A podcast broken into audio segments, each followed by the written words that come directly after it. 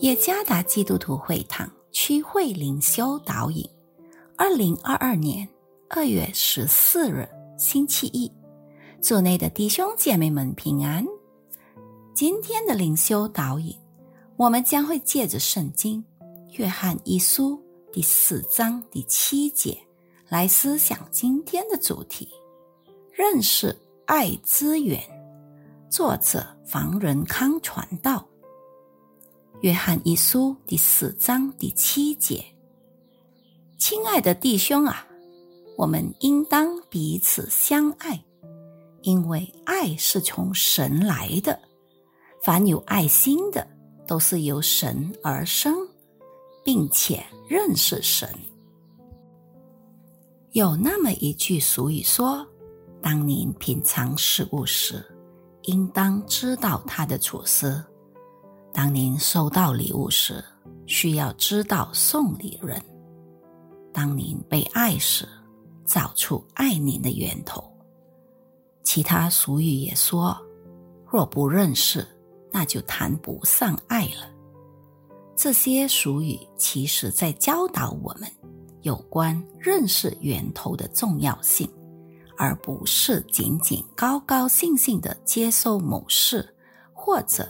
享受其乐，知道基于者会让人放心与安心，与此同时也会带来警惕，为的是保护我们。除此以外，透过认识其源头，我们可以开始有交往，接着我们还可以建立更深层次的关系。而不仅仅是接受给予的东西而已。使徒约翰密切关注到他书信的收信人，从我亲爱的弟兄啊，这句又亲切又触动人心的问候语来问候读者们，就一目了然了。这句话不像现今的普通问候语那样，只是一句开场白。这句语重心长的话很有意义，也充满关怀。在基督肢体的弟兄姐妹生活中，有着非常深厚道德的联合关系。在这节经文的上下文中，“爱”这个字根使用了 “agape” 这个词，意思是真诚的爱、圣洁、充满关怀。愿意为他人牺牲，来自上帝的爱。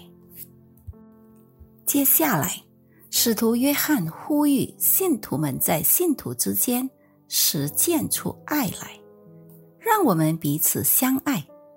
这种彼此相爱的实践，证明了爱的宣扬者和信徒们不仅仅是口头上的甜言蜜语。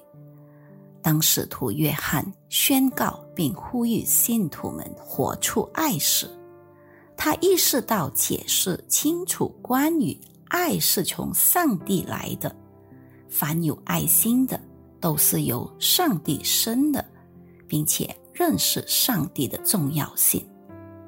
在希腊文本中，上述经文中的“认识”这词使用了 “inoskio” 一词。意思是真正深入的体会其所有方面的来龙去脉，正是这种认识让使徒约翰能够以真诚和深切的爱来爱他的信徒同工。我们与上帝的关系也是如此。我们不是只知道上帝的存在，当我们凭着信心。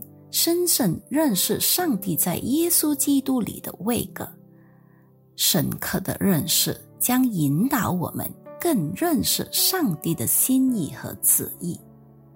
深刻的认识也将使我们渴望彼此相爱，就如他爱我们一样，让我们可以透过对弟兄姐妹以及人类同胞们的真诚关怀实践出来。您对源头上帝的位格和爱的认识越深，意味着您在耶稣基督里的信心就越坚定。